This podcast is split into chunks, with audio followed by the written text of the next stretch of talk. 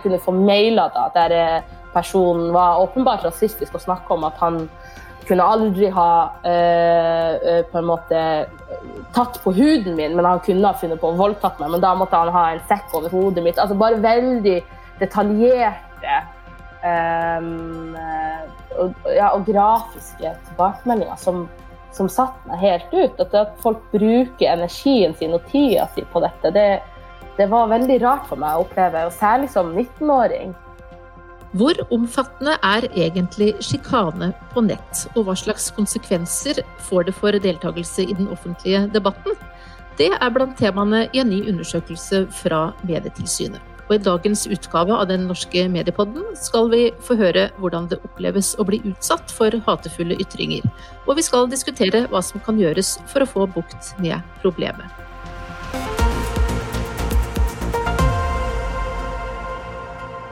Nettsjikane er altså tema i Mediepodden i dag. Og til å snakke om det, så har jeg med meg en som har kjent dette på kroppen selv. Velkommen hit til deg, Sumaya Girde Ali. Du er forfatter, poet og samfunnsdebattant. Velkommen til Mediepodden. Takk skal du ha. Og velkommen også til deg, Audun Fladmo, som er eh, forsker ved Institutt for eh, samfunnsforskning. Takk skal du ha. Vi skal komme tilbake til tall fra den nye undersøkelsen vi har gjort i Medietilsynet, og også en eh, rapport som eh, dere akkurat har eh, publisert fra Institutt for samfunnsforskning. Men først til deg, Sumaya, for jeg har lyst til at du skal fortelle oss litt om dine opplevelser. Du har jo gitt ut bøker, du har deltatt i den offentlige debatten, du har etter hvert mottatt mange priser, og du har opplevd trusler og hets med bakgrunn i din religion og ditt opphav. Når og hvordan opplevde du sjikane på nett for første gang?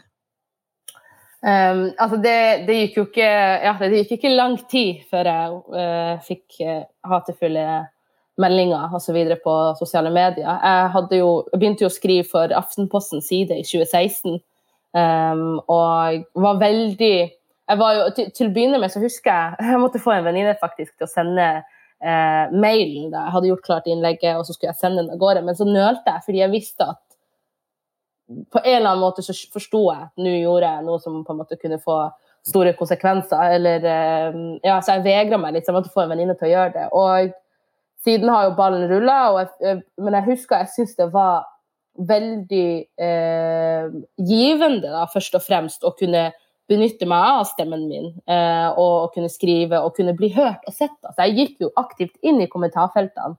Og da husker jeg min redaktør i, i Side da, hun, hun, kom, hun, sa til meg at det var veldig uvanlig at eh, debattanten faktisk eh, fulgte opp den debatten vedkommende hadde satt i gang, og særlig i kommentarfeltet. Det er mye vanligere å ha en sånn debattsamtale eller, eller, eller noe annet. Eh, men jeg syns det var underlig, for jeg tenkte at nå jeg må jo på en måte stå til ansvar for hva jeg har skrevet, og jeg må jo kunne på en måte ja, ta den samtalen. Um, og jeg tror det provoserte en god del folk. Um, at jeg um, drev og finta litt i kommentarfeltene og tilbakeviste. Og, og, og, jeg, jeg, og jeg, en, jeg, gjorde det med, med humor og, tenkte at det var, liksom, det var en sånn selvfølge for min del. Og det provoserte en god del. Og det resulterte da til at jeg fikk mange hatefulle, hatefulle meldinger på meldinger på Messenger eh, på Facebook. Hva var det for slags eh, meldinger og kommentarer du fikk første gangen eh, du opplevde hatefulle ytringer rettet mot deg?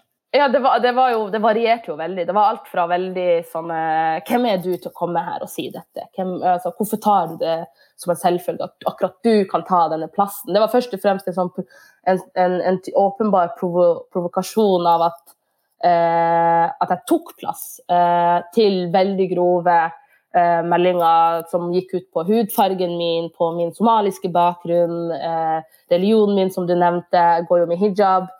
Um, og at jeg er ung kvinne. Så det var også veldig Etter hvert så ble det synlig at eh, tilbake, de negative tilbakemeldingene begynte å bli mye mer seksualisert da, og grov og grafisk. Folk, jeg kunne få mailer da, der eh, personen var åpenbart rasistisk og snakka om at han kunne aldri ha eh, eh, på en måte tatt på huden min, men han kunne ha funnet på å voldtatt meg. Men da måtte han ha en sekk over hodet mitt. Altså bare veldig detaljerte um, og, ja, og, grafiske tilbakemeldinger som, som satte meg helt ut. At, at, folk bruker energien sin og tida si på dette, det, det var veldig rart for meg å oppleve, og særlig som 19-åring.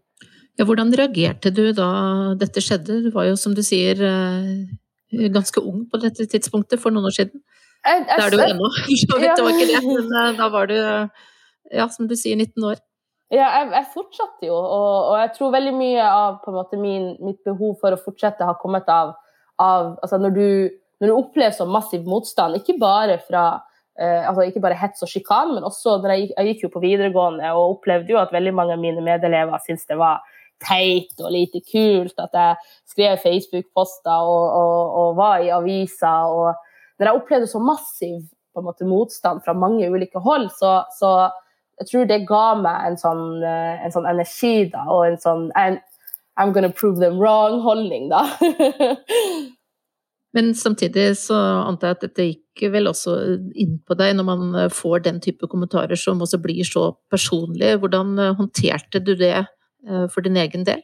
Ja, altså det har absolutt gått inn på meg. Jeg, til å begynne med så tror jeg jeg bare rista det av meg, selv om det gikk veldig inn på meg. Jeg hadde jo ikke noe særlig eh, jeg, var jo, ja, eh, jeg var veldig ung og veldig, lite, veldig lite bevisst på, på en måte, hvor belastende eh, den form for synlighet kan være. Og synlighet i seg selv er jo veldig belastende. Være det positivt eller negativt, men når du også på toppen av det blir redusert til et sånn hatobjekter noen, eh, til, en, til, et menneske som noen kan henge sine knagg liksom, av hat på, så, så, blir det, så blir det etter hvert veldig vanskelig å fortsette. Og jeg, jeg, jeg, jeg ble Altså, jeg vil nok si at jeg ble syk før jeg forsto det. Eh, lenge før jeg forsto det. Um, og jeg begynte å, å, å, bli redd og mistenksom. Um, jeg er jo veldig glad i mennesker. Jeg studerer jo sosialantropologi jeg er veldig interessert i å på en måte å, å være omkring mennesker og, og, studere, liksom. Observere. Uh, vi er jo veldig rare vesener. Og, og da det, det, det, var veldig det var veldig sårt å komme til det punktet der jeg gikk rundt og var veldig sånn på vakt. da. Uh, jeg kunne ikke ta bussen uten å se meg rundt. Jeg må til enhver tid, liksom, daglig, så skanner jeg områdene jeg er i. For jeg har opplevd å bli forfulgt. Hetsen har ikke bare vært på sosiale medier, det har jo også manifestert seg i det virkelige liv. Og, og det å måtte ta forhåndsregler ikke sant? Når jeg reiser rundt på arrangementer og sånn, så må jeg alltid bli henta fra flyplassen, eller jeg må til enhver tid være med et annet menneske. Det, det, det, tar, det tar så stor plass. Uh, og, og, selv om man forsøker å minske det, selv om man anmelder, selv om man har massiv støtte, jeg har jo gjennomgående fått ekstremt mye støtte, så tar det så enormt mye plass. Og, og det, er, det, er, veldig det, det, er et, det er et samfunnsproblem.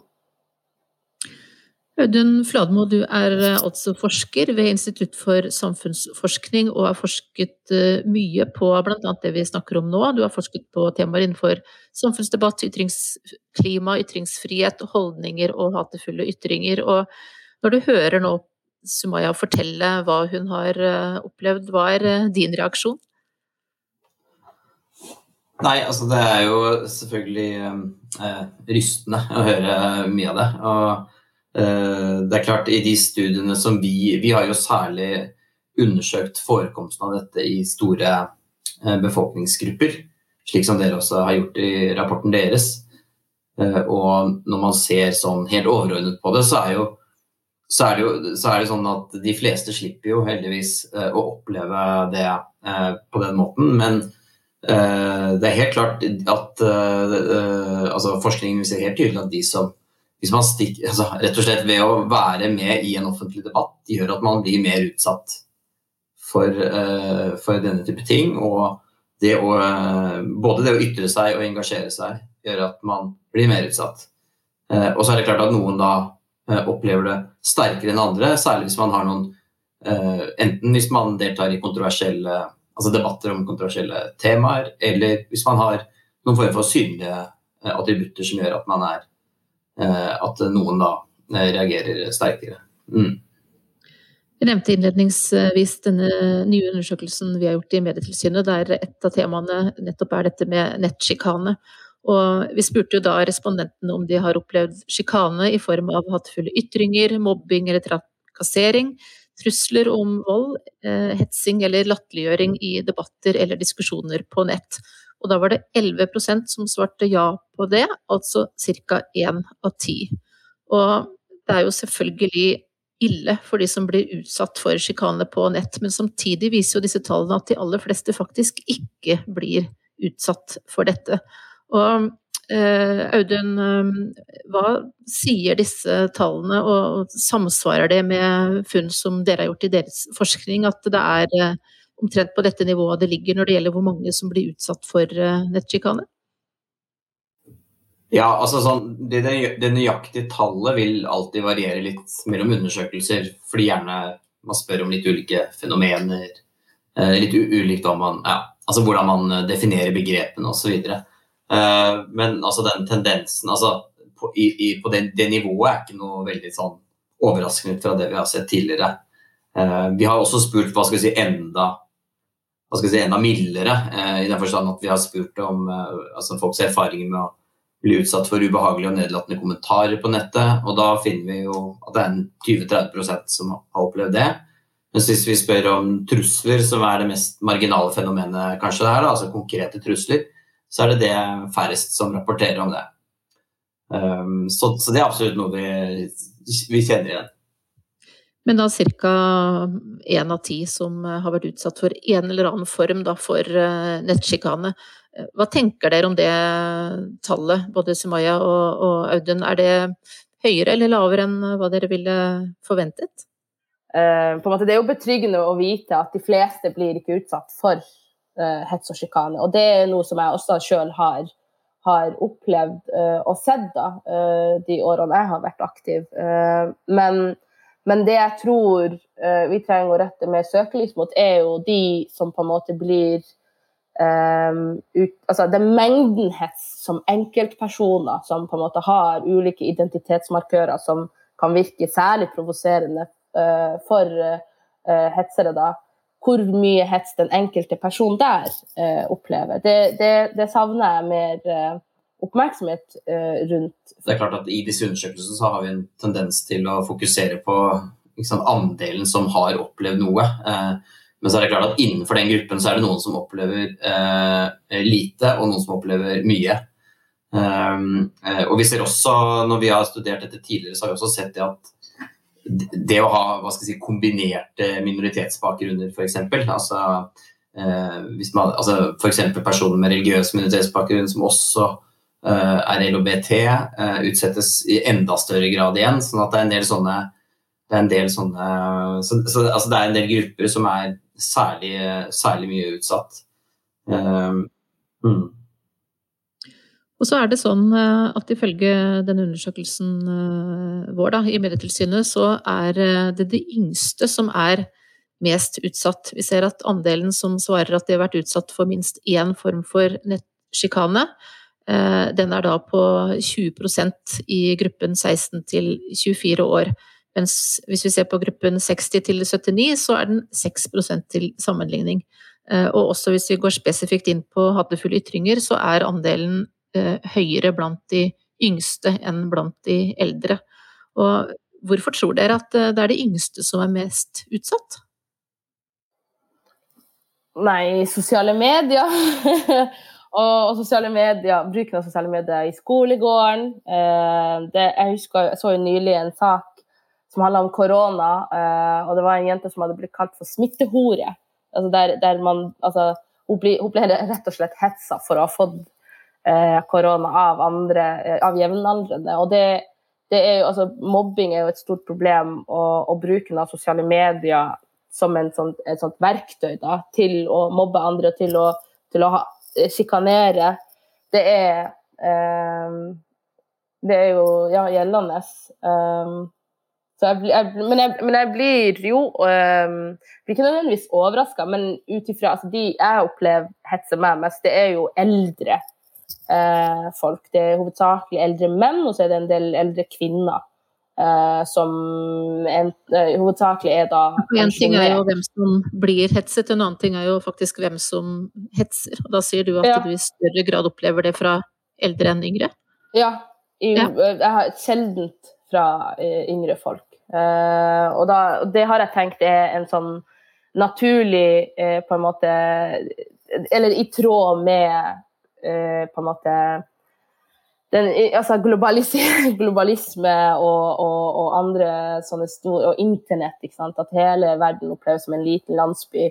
Man, man blir jo i mye større grad utfordra og eksponert for, for nye og, og interessante eh, perspektiver og impulser når man er aktiv på sosiale medier og, når man møter andre unge mennesker. Musikken man hører på, klærne man bruker. altså Den populærkulturen er jo eh, føler jeg unge omfavner i mye større grad, mens de eldre som jeg opplever hetser meg, de er mye mer sånn nasjonalistisk og, og sånn nostalgisk orienterte. De savner et land som de nå da ikke kjenner igjen. Uh, og de, de, mener da at Norges storhetstid er over, uh, og jeg er blant de som får skylda for det.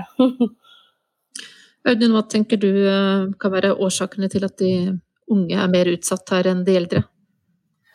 Nei, det er, det er, altså, Forskningen vår også eh, bekrefter det som jeg nevner. altså Mye av det handler om, om nettbruken. Altså, øh, altså, Helt enkelt så er unge mer aktive i sosiale medier og på internett enn eldre. Dermed så er det også utsettes de potensielt også mer for øh, dette. Um, så, så, kan man også, så, så er også unge gjerne aktive på flere typer plattformer enn det eldre er. Eh, eldre er kanskje i større grad eh, primært på Facebook, eh, mens unge også i større grad bruker Snapchat og TikTok og den type nye medier som, som altså, hvor, dette, hvor, den type mobbing og trakassering kan foregå litt mer i det skjulte, og som også en del ungdomsforskning har vist at brukes til mobbing. Så, så, det er nok en viktig Rett og slett, en, altså, rett og slett nettbruken er, er, nok ganske viktig. Vi må også snakke litt om uh, hvilke konsekvenser det har å bli utsatt for uh, sjikane og hatefulle ytringer. Og igjen tilbake igjen til vår undersøkelse, så er det fire av ti som har vært utsatt for nettsjikane, som sier at de etterpå er blitt mer forsiktige med å si sin mening, og to av ti har sluttet helt å delta i debatten. Du sa jo litt eh, i stedet, Sumaya, om at du, eh, du fortsatte. Eh, hva var vurderingene dine da når du faktisk ble utsatt for såpass grove kommentarer, f.eks. da, av at du, ja, du likevel hadde mot til å fortsette å delta i debatten?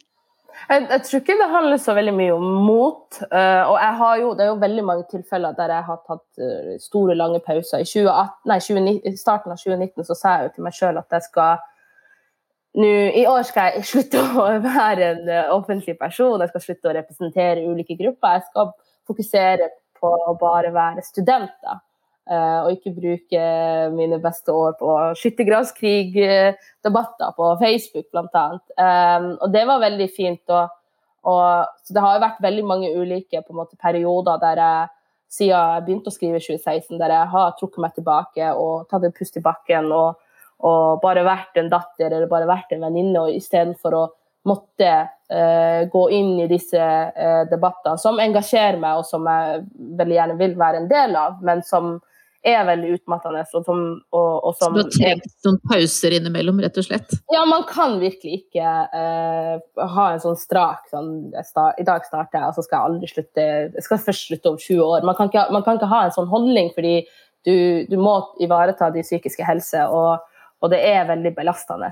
Uh, og det, det, det, jeg har opplevd som på en måte mest uh, vanskelig, da, er hvordan det varierer. Hva, hva, som på en måte, hvor, hva som går inn på deg, varierer veldig. ikke sant? Det, det, har veldig mye med hvor du er i livet, og, og, og, hva slags hvor sårbar du er, eller hvor sterkt du kjenner deg, eller, eller ditt humør generelt. eller hvor, altså Det er jo noen ting som jeg en dag kan oppleve som banale, noen, noen, noen sjikanerende meldinger som jeg kan oppleve som banale, eller, eller, eller, som jeg kan bare le av, eh, som dagen etter kan slå meg fullstendig ut, som kan gjøre at jeg ikke vil Jeg klarer ikke å komme meg opp av senga. Og det, det, det syns jeg er eh, Det har vært veldig interessant for meg å på en måte se og oppleve, og, for det har gitt meg en sånn mulighet til å se innover og forstå at det, det henger jo i hop med din, din både, Ikke bare det psykiske, men også det fysiske, og, og, og også hva, hva, er det som altså, Dine motivasjoner da, for å fortsette.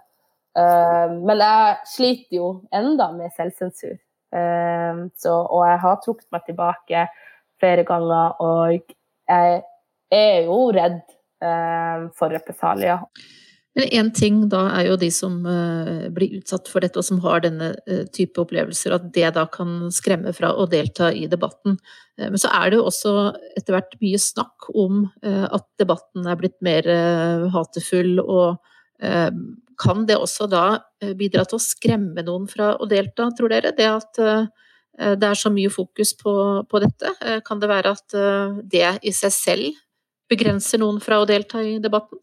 Jeg er jo enig i at vi prater veldig mye om på en måte hvor polarisert debatten er, og, og man stiller seg ofte det spørsmålet om det har blitt mer hat og sjikane med tida. Jeg personlig tror egentlig ikke det. Jeg tror sosiale medier og algoritmene og alt sånt her har egentlig bare i mye større grad gjort det mer synlig, og det har også vært med på å forsterke og på en måte avle det frem. da. Uh, men, men, jeg mener at det er viktig at vi har disse samtalene, og at, det, og at dette fokuset det, ja, man kan problematisere hvis man har et håp om å på en måte gjøre det bedre, da, eller liksom at, at, fokuset skal bli mye mer spissa og mye mer eh, løsningsorientert. Men, men, vi, men, det er jo en faktisk realitet. Og, og, og dersom vi ikke tar tak i det og, og prater om det, så blir jo det samfunnsproblemet å være, eh, fortsette å eksistere. I rapporten deres fra Institutt for samfunnsforskning så har dere jo bl.a. kartlagt folks holdninger til krenkende ytringer. og Hva var det viktigste dere fant uh, da? Rent sånn overordnet så finner vi jo at uh, majoriteten, altså flertallet, tydelig flertall, aksepterer ytringer som rettet mot ulike grupper som kan oppleves som krenkende. Men vi ser også uh, en endring siden 2015 der andelen som svarer at de ikke aksepterer denne type ytringer, har økt. Uh, altså, så det er færre som aksepterer denne type ytringer. Og særlig hvis ytringene er rettet mot uh, tydelige minoritetsgrupper som LHBT-personer, muslimer uh, og innvandrere. Så det har vært en endring over tid, og vi ser at de endringene skyldes særlig at det er altså at, det er altså enkelte grupper som, som som har endret oppfatninger over tid. Dels så handler det om at kvinner er mer restriktive, altså i større grad enn menn svarer dette, og at den forskjellen har blitt større. Og så handler det også dels om at uh, unge har blitt mer restriktive i 2020 enn det de var i 2015. Uh, mens andre aldersgrupper, eller mens de eldste i større grad har, har de samme meningene. Sånn at vi har fått, uh, Og så er det litt annerledes enn man kan tenke seg sånn umiddelbart. Rett og slett fordi at i 2015 så var det sånn at det var de eldste som var de mest restriktive, og de yngste mente at man kunne si mest. Eh, og det som har skjedd over tid, er at de unge har blitt mer som de eldre. For å si det litt enkelt. Så flere, altså det er mindre uenighet mellom aldersgruppene om dette nå enn det var i 2015. Har det skjedd noen endringer når det gjelder uh, grensene våre for hva som oppleves uh, krenkende, og, hva som uh, da er akseptable ytringer? Ja, jeg tror vi kan si sånn, sånn, sånn overordnet perspektiv, så, så, ser vi at det er stor og til dels også økende støtte til sånne litt mer sånn grunnleggende, overordnede eh, tematikker som blasfemi, religionskritikk og den type ting. Mens det er mindre aksept for ytringer som da Eh, eh, kan oppleves krenkende av minoriteter, og det er også mindre aksept for rasistiske ytringer. Eh, så man kan se et skille der over tid. Og så er det jo um, balansegangen her da, mellom ytringsfrihet og ytringer som da ikke skal aksepteres. Og um, hva mener folk i rapporten deres om hvorvidt krenkende ytringer bør få konsekvenser? Det er veldig få som mener at det bør få uh, alvorlige konsekvenser. Altså, vi, vi, altså, uh, en veldig liten minoritet mener at den type ytringer bør føre til bot og fengsel, f.eks. Men så ser vi at det er en del som, uh, som peker på det vi har kalt sos sosiale eller ikke-juridiske konsekvenser. F.eks. at man blir utestengt fra sosiale medier, at en redaktør blir felt i PFU. Um, og den type ting. Det ser vi at det er en del som peker på. Uh, mens, det, uh, mens det, er, det er veldig få som peker på mer sånn formelle uh, juridiske reaksjoner.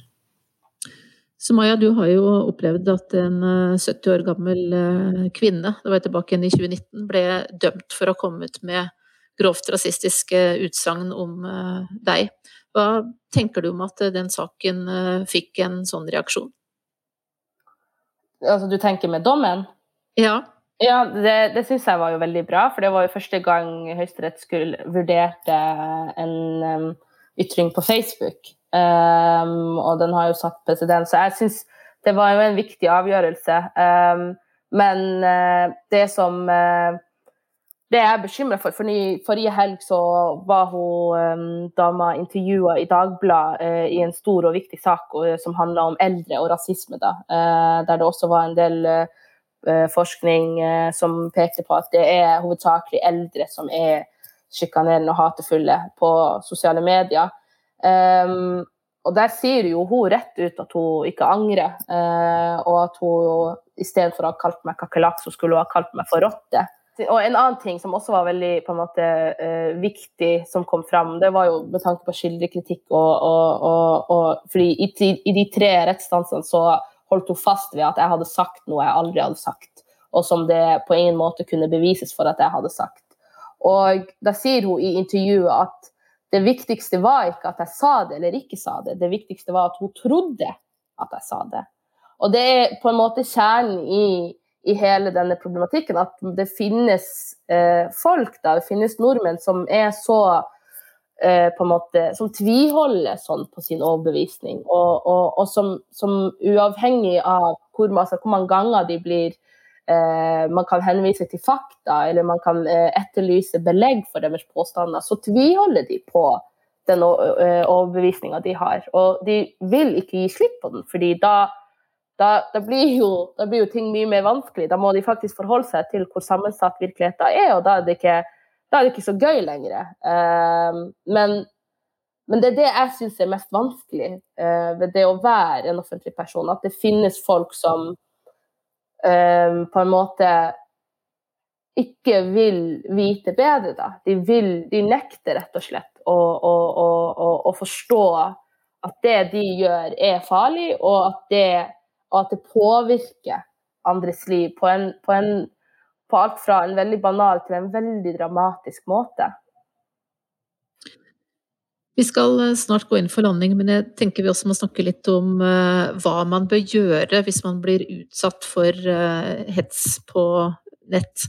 Vi har spurt om det også i vår undersøkelse, og da er det nesten halvparten som sier at de blokkerte den personen som utsatte de for den type kommentarer. 23% slettet tjenesten eller appen som de brukte, og 15% kontaktet den som plaget dem, mens 10% advarte andre om slike personer. Så det er ulike da, måter å håndtere dette på. Eh, ut fra dine erfaringer, Sumaya, hva vil være dine beste råd til de som eh, opplever noe av det samme som du har vært utsatt for? Jeg har jo gjentatte ganger opp gjennom årene blitt eh, krevd å gå i dialog med de som hetser meg.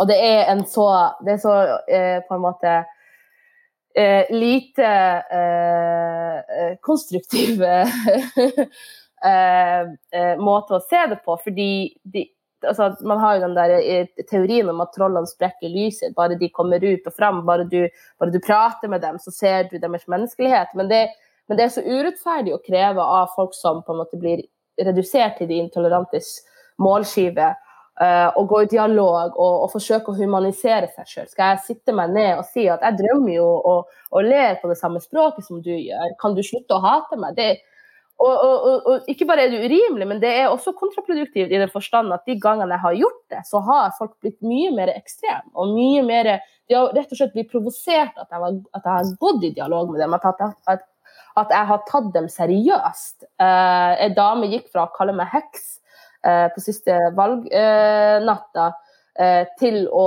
si at hun skulle drapstrue meg. Og, og at, hun skulle, nei, at hun skulle drepe meg, skyte meg, sa hun, skrev hun. Um, Hva vil du anbefale å, å, å, gjøre da, når du har erfart at det å gå i dialog, det nytter i hvert fall ikke? Så hva, hva gjør man? Det nytter ikke for meg, men hvis noen er, er, interessert i det og føler at det er på en måte deres, en strategi som fungerer for dem, så kan de absolutt gjøre det. Men personlig så, så forholder jeg meg ikke til eh, Jeg sletter bare meldingene, og, og de som blir eh, eh, De som tar så stor plass at jeg blir oppmerksom på dem, og hvis de inneholder eh, trusler eller er veldig sjikanerende, de anmelder. Du finner også en del konkrete tips om dette på Medietilsynets eh, nettsider. Eh, der har vi også en del informasjon om eh, hva man kan gjøre i, slike situasjoner. Men til slutt, begge to, vi må snakke litt om hva som kan og bør gjøres for å få et godt ytringsklima med mindre sjikane og, og, en stor romslighet. Hva tenker dere er det aller viktigste som kan gjøres for å sikre det framover? Nå er jeg veldig håpefull for eh, på en måte eh, framtida, fordi vi ser stor, eh, nye, sterke stemmer med mange ulike bakgrunn i norsk offentlighet, være det politikken, litteraturen eller, eller i, bare i liksom, journalistikken. Eh, det, den, det mangfoldet gnager samfunnet, eh, og det gjør samfunnet mye mer humant, fordi du, da går vi vekk fra disse blir, Da blir det vanskeligere for enkelte å tviholde på de stereotypiene de har, og de negative forestillingene tenker jeg. Og, og, jeg mener at de ulike måte, offentligheter som jeg sa tidligere, må mer eh, må ta mye større ansvar, eh, rett og slett, for, for den, dette kollektive problemet da, som vi har, eh, og som hatefulle, hatefulle ytringer og sjikane er. Vi har gjort et prosjekt hvor vi også har eller noen kolleger av meg intervjuet noen av disse noen av de som er deltakere i veldig harde debatter. Eh, eh, og, altså, ikke, ikke, nødvendigvis netthatere, men altså ulike folk som på ulike måter deltar i harde debatter. Og noe av det som, eh, som kan som i hvert fall kan være noe som, uh, som, altså, som, det materialet tyder på, er at det er noe med dynamikken i nettdebatter. Altså hvordan Eh, og dynamikken kanskje særlig i den type, type kommentarfelt hvor, hvor, det eskalerer og man slenger seg på. Eh, og man kanskje går over, over sin egen strek også, for, for, å si det sånn. Så liksom, det enkle svaret til, eh, til, mediene er jo moderering. altså at man prøver å en ting, å en ting, er å luke ut det verste, men også kanskje forsøke å svare Eh, i kommentarfeltene. Eh, få inn motstemmer for å nettopp begrense den type eskalering i kommentarfelt hvor man jatter med og, og, og hvor det bikker over. Eh, Simoya, når du tenker på hva du har oppnådd ved din deltakelse i debatten, holdt opp mot hva du har vært utsatt for og hva du har opplevd på negativ side, tenker du da at det likevel har vært verdt det? Mm, det er et godt spørsmål. Uh, nei, egentlig ikke. Uh, og, og, og, det er ingen jeg unner de opplevelsene jeg har hatt, uh, og, og, de påkjenningene jeg har kjent på. Så nei, det er absolutt ikke verdt det. For det, det er ingenting som er verdt på en måte at du skal bli syk. eller at det, og det er ingen sak som er verdt at du skal være den som ja. Nei. Så nei. Men likevel, du gir deg ikke? Du er eh, fortsatt uh, deltakende?